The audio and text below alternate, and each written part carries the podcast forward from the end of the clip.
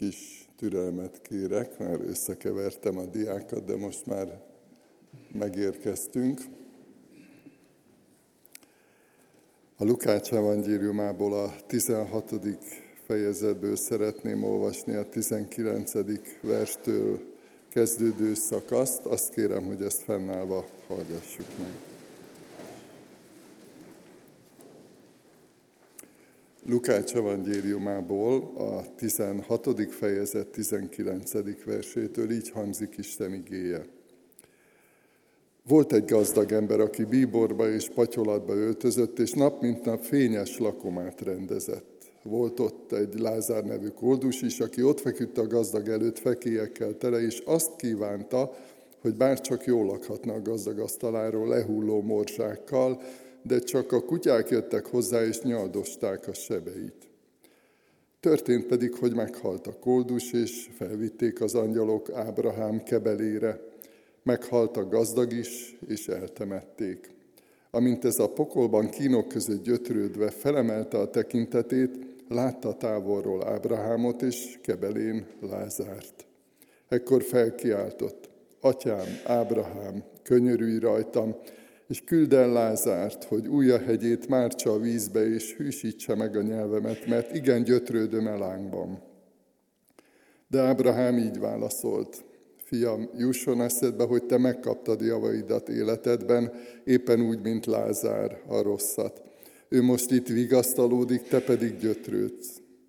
Ezen felül még közöttünk és közöttetek nagy szakadék is tátong, hogy akik innen át akarnak menni hozzátok, ne mehessenek, se onnan ide át ne jöhessen senki. Ő pedig így szólt, akkor arra kérlek, atyám, hogy küld előtt apám házához, mert van öt testvérem, beszéljen a lelkükre, nehogy ők is ide kerüljenek a gyötrelem helyére. Ábrahám így válaszolt, van Mózesük, és vannak profétáik, hallgassanak azokra. De az erre ezt mondta, nem úgy, atyám Ábrahám, hanem ha a halottak közül megy valaki hozzájuk, akkor megtérnek. Ábrahám ezt felelte. Ha Mózesre és a profétákra nem hallgatnak, az sem győzi meg őket, ha valaki feltámad a halottak közül. Eddig olvastuk Isten igét, foglaljunk helyet.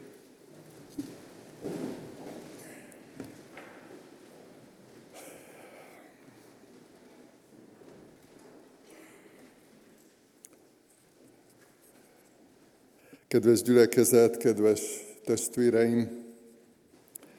Az Úr Jézus nagyon sok példázatot mondott, és azt gondolom, hogy a példázatok nagyon sokat segítenek nekünk abban, hogy megértsük a valóságot, megértsük Isten gondolatait, átlássuk az élet, a földi élet és az örökké valóság összefüggéseit is, el tudjuk helyezni magunkat, meg, meg tudjuk ítélni, hogy kik vagyunk, hogy hol vagyunk, hogy hova tartunk. Tehát sok-sok kérdésre választ adnak ezek a példázatok. És itt, amit most olvastunk, ez a példázat, ez arról szól, hogy milyen a kapcsolat a földi élet és az örökké valóság között, illetve mennyire fontos a földi élet, és a földi életben, a mindennapjainkban meghozott döntés, milyen hatással van a teljes életünkre, vagy mondhatjuk így az örök életünkre. Az első üzenet, gondolat, amit szeretnék rátok bízni, hogy az értékeket hasznosításra, szolgálatra kaptuk. Nem felhalmozásra, nem tékozlásra, mint ahogy egy másik példázatban, a tékozló fiúról szóló példázatban olvassuk, hanem megosztásra kaptuk. Pálapostól azt írja Timóteusnak, amikor segít eligazodni a tekintetben, hogy ha egy közösségben, egy gyülekezetben különböző anyagi helyzetben levő testvérek vannak, akkor azt hogy kezeljék, vagy hogy gondolkodjanak, vagy hogy éljék meg. És azt olvassuk, gazdagok tegyenek jót, legyenek gazdagok a jó cselekedetekben, adakozzanak szívesen, javaikat osszák meg másokkal, gyűjtsenek maguknak jó alapot a jövendőre, hogy elnyerjék az igazi életet. Isten ad megbízást, vagy hogyha Izrael kiválasztására, a választott népre gondolunk, vagy egy, egy küldetésre, egy, egy szolgálatra, akkor abban mindig benne van az a világos útmutatás, hogy oszd meg, amit kaptál. Add tovább. Megáld, megajándékoz téged az Isten, hogy te is ajándékká válj. És úgy gondolom, hogy sok ilyen tapasztalatotok van nektek is, amikor valakinek segítettetek, valami, valakinek szolgáltatok, valakinek adtatok valamit, vagy lehet, hogy csak meghallgattátok, mert szomorú volt, vagy odaálltatok mellé egy adott helyzetben, pillanatban, hogy milyen ajándék volt, és hogy, hogy lehetünk ilyen ajándékok. Akár az anyagiakat tekintve, akár az Istentől kapott kegyelmi ajándékokat tekintve, hogy áldássá váljunk. És hát ebben a példázatban ez a gazdag, aki az egyik szereplője ennek a példázatnak, ő nem élt ezzel a, az ajándékkal, és nem közvetítette. A következő gondolat meg ige arra vonatkozik, hogy ennek van tétje, hogyha szolgálunk, teszünk valami jót, vagy nem cselekesszük. Sőt, azt írja a Biblia, amit itt ki is vetítettem, ige verset, hogy aki tudna jót tenni, de nem teszi, bűne az annak. Tehát ez a gazdag ember, ez nem azért bukott el, mert gazdag volt, nem azért, mert hogy sok értéke volt, hanem azért, mert irgalmatlan volt, mert kegyetlen volt, mert nem osztotta meg azt, amit kapott.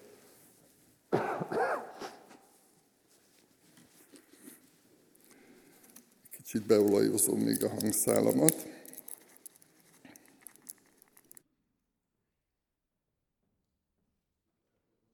Nagyon röviden kell majd prédikálni.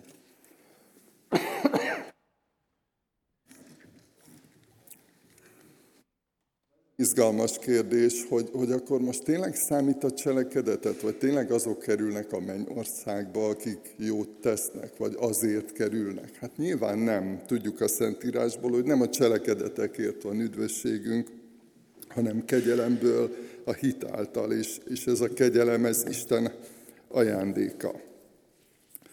Lehet, hogy egy ilyen pillanatban szembesülünk azzal, hogy elmulasztottunk valamit. Ugye ezekre azt szoktuk mondani, hogy ezek a mulasztási bűnök, hogy egyébként megtehettük volna, de valamit elmulasztottunk. És ugye az a hatalmas ajándék vagy ígéret az Istentől, hogy meg lehet térni. 20 évesen is, meg ahogy mondtam a gyermekbemutatáson, 14 évesen is, meg 70 évesen is vannak köztünk olyanok, akik már javában nyugdíjas, nyugdíjasok voltak, és akkor ismerték meg az Urat, akkor lettek, akkor váltak Krisztus követőivé. Tehát ha el is rontottunk valamit, meg lehet térni, bűnbánatot lehet tartani, másképp lehet gondolkodni és élni. Gondoljatok arra, hogy önmagában az üres vallásosság az nem segít, hiszen egy másik példázatban az irgalmas samaritánusról szóló példázatban olvassuk, hogy a pap is, aki ugye egyházi ember volt, a lévita is, aki szintén, tehát sok mindent tudtak, mégis kikerülték a bajba jutottat, kikerülték azt, aki segítségre szorult. Benne vagyok egy olyan Facebook csoportban,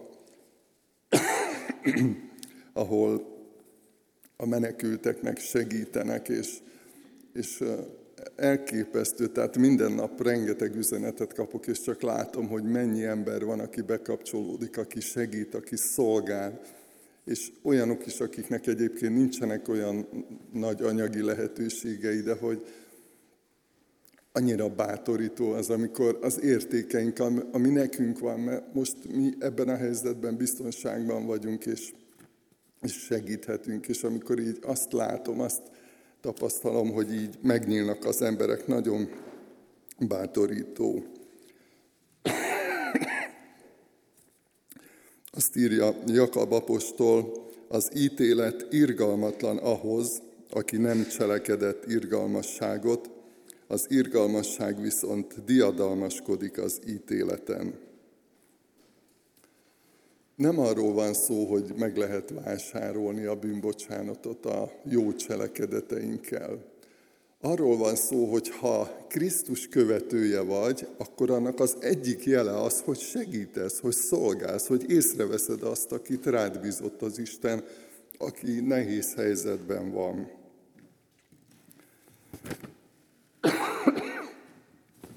Ez a gazdag, akiről olvasunk a példázatban, ő nem, nem vette észre, nem érdekelte, nem, nem figyelt rá.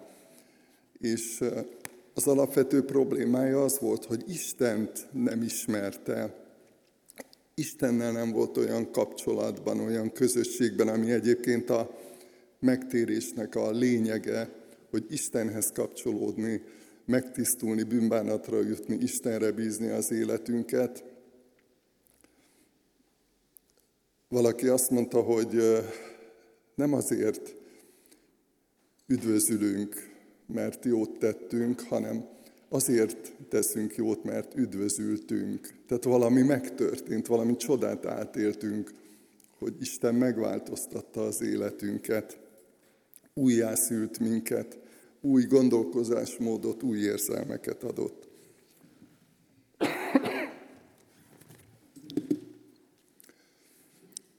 Következő hat rövid gondolat arról szól, hogy mit tanulhatunk a mennyországról és a pokolról ebből a példázatból. Az első prédikátor könyvében olvassuk, a por visszatér a földbe, olyan lesz, mint volt, a lélek pedig visszatér Istenhez, aki adta. Ebben a példázatban azt olvastuk, történt pedig, hogy meghalt a koldus, felvitték az angyalok Ábrahám kebelére, meghalt a gazdag is, és eltemették amint ez a pokolban kínok között gyötörődve felemelte a tekintetét, látta távolról Ábrahámot és Kebelén Lázárt. Nincs vége azzal az élettörténetünknek, hogy, hogy itt a Földön biológiai értelemben megszűnünk létezni, meghalunk. A por visszatér a földbe, azt olvassuk folytatódik a személyiségünk, tovább él a személyiségünk más létformában.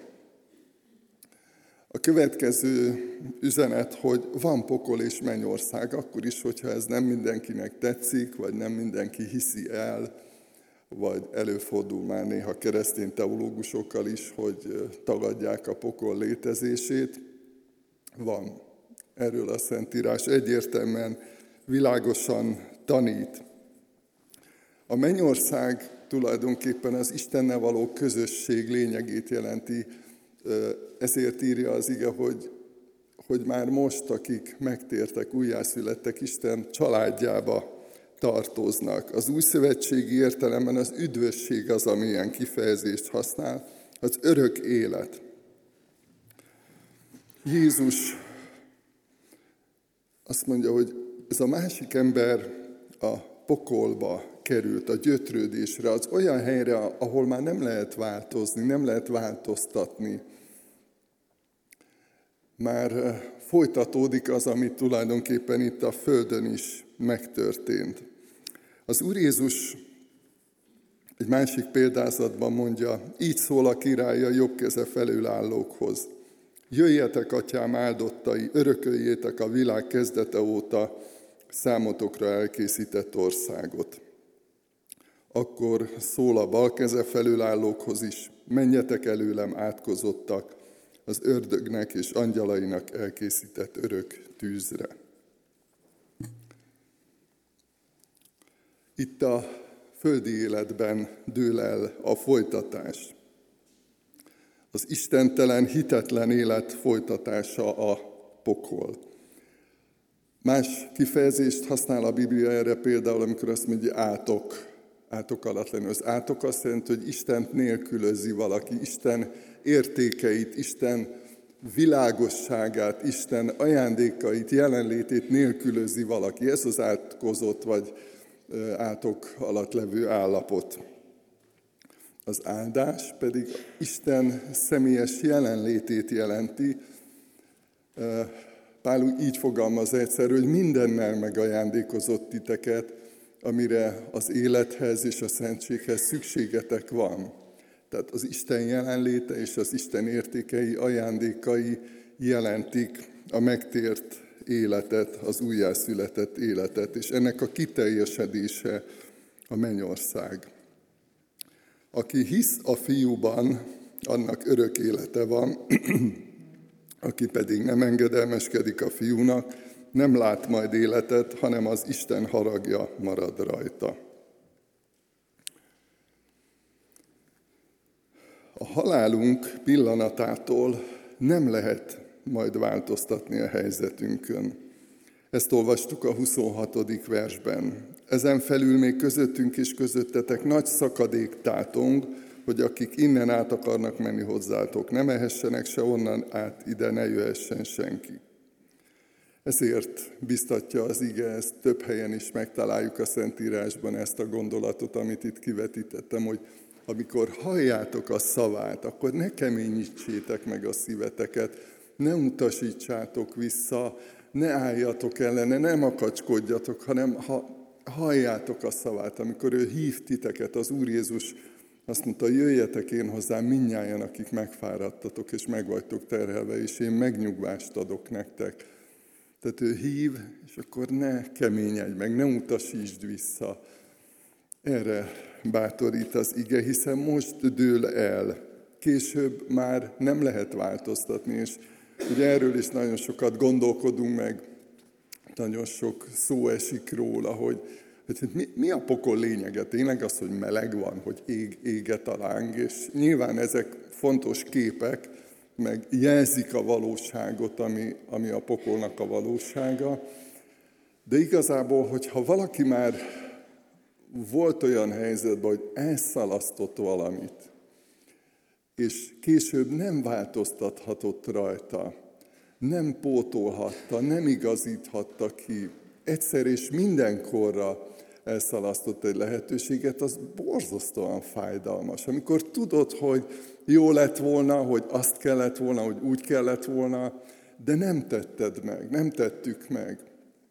Ez az érzés pokoli, amikor már nem változtathatsz. És ezért hív Isten ma, most, hogyha halljátok a szavát, akkor ne keményítsétek meg a szíveteket. Egyszer megkérdeztem valakitől, hogy, hát, hogy mit gondol a megtérésről, vagy, vagy hogy olyan jó lenne, ha rábízná az életét Istenre, ő is megtérne, és azt mondta, hogy hát azt jól meg kell gondolni. És mondtam neki, hogy igen, jól meg kell gondolni, de nagyon gyorsan. Mert hogy nem tudjuk, mert hogy nincs a hatalmunkban az, hogy mikor mi fog történni. Van reménységünk, van a Szentírásban bátorítás arra, hogy, hogy Isten hogy tart a kezében minket, de, de nem tudjuk, hogy mi fog történni. Ma, hogyha halljátok a szavát, ne keményítsétek meg a szíveteket. Úgy gondolta ez a gazdag a pokolban, hogy vissza kéne menni valakinek, vagy vissza kéne küldeni valakit az élőkhöz, aki kicsit jobban tájékoztatja őket, vagy elmagyarázza azt, hogy mi van ott, ott vagy oda át. 27. versben olvastuk. Arra kérlek, atyám, küld előtt apám házához, mert van öt testvérem, beszéljen a lelkükre, nehogy ők is ide kerüljenek a gyötrelem helyére. Nagy szakadék van az üdvözültek és az elkárhozottak között, de ugyanilyen nagy szakadék van az élők és a holtak között is. Nincs átmenet, nincs ilyen értelemben átjárási lehetőség, sem innen oda, sem onnan ide.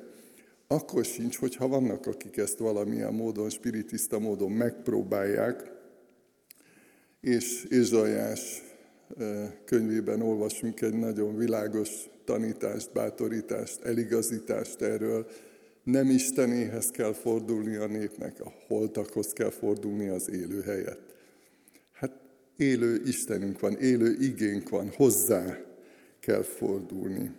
Isten a mi érdekünkben, és soha ne felejtsük el, néha nem, nem értjük, vagy nem megyünk a mélyre annak, hogy Isten, ha megtilt valamit, vagy eligazít, vagy útba igazít, akkor azt miért teszi, nem a személyiségünket akarja rongálni, vagy nem torzítani akar minket, vagy agymosni, ahogy néha vádolnak minket, hanem az a lényeg, hogy meg akar minket kímélni egy olyan gonosz hatástól, ami ártalmas nekünk. És az utolsó bátorítás, hogy egyedül Isten igéje menthet meg minket. Még a feltámadás csodája sem. Erre nagyon fényes bizonyíték Lázár története. Tudjuk az evangéliumból, hogy az Úr Jézus feltámasztotta Lázárt. Negyednapos volt, azt olvassuk, már szaga volt. És amikor megtörtént a csoda is, sokan látták. Azt olvassuk, hogy nem, hogy hit ébredt volna bennük, hanem meggyűlölték még jobban az Úr Jézust. És erre utal itt az ige. Hát hiába támad föl valaki a halottak közül, hogyha nem akarnak hinni. Jelenések könyvében olvassuk az egyik gyülekezetről ezt, vagy az egyik Istentől távol élőről ezt, hogy adtam neki időt, hogy megtérjen, de nem akart megtérni. Van Mózesük, vannak profétáik, hallgassanak azokra. Hát Isten megmondta, Isten kijelentette, Isten világossá tette az üzenetet. Egyedül az Isten igéje, az Isten szeretete, amire ma is emlékezünk, az Úr Jézus Krisztus áldozata, az, ami megmenthet minket. Milyen az igazi hit? Ahogy az előbb mondtam, és ugye ez a mai napra nézve is igaz, hogy nem tudjuk, hogy holnap mi lesz. Nem tudjuk még, hogy ennek a mai napnak milyen következményei, milyen eredményei lesznek. De azt tudjuk, hogy van Isten. Él az Isten, élő Istenünk van, élő megváltónk van. Van egy csodálatos történet Dániel könyvében, úgy ismerjük, hogy Sidrák, Misák és Abednéko, ez a régi fordítás szerinti nevük, akiket megfenyegettek, hogy ha nem borulnak le a, a bálvány előtt, akkor tüzes kemencébe vetik őket. És azt mondták, nem szükséges, hogy erre bármit is feleljünk. Van nekünk Istenünk, akit mi tisztelünk. Ő ki tud minket szabadítani az izzó tüzes kemencéből, és ki tud szabadítani a te kezedből is, ó király. De ha nem tenné is, mert hogy nem tudták, de ha nem tenné is, Tudd meg, ó király, hogy mi a te isteneidet nem tiszteljük, és nem hódolunk az aranyszobor előtt, amelyet felállítattál. Ma nagyon sokan vannak csodahívők, hogy a Csodában hisznek, nem Krisztusban. Nagyon sokan vannak egészséghívők, csak egészség legyen. Az a lényeg. Azt mondja az ige, hogy van Mózesük, vannak profétáik. Higgyenek az Istennek, higgyenek az igének. És végül a az ősi hitvallást hoztam nektek, így készüljünk az úrvacsorai közösségre. Jézus Krisztus, Isten fia, megváltó.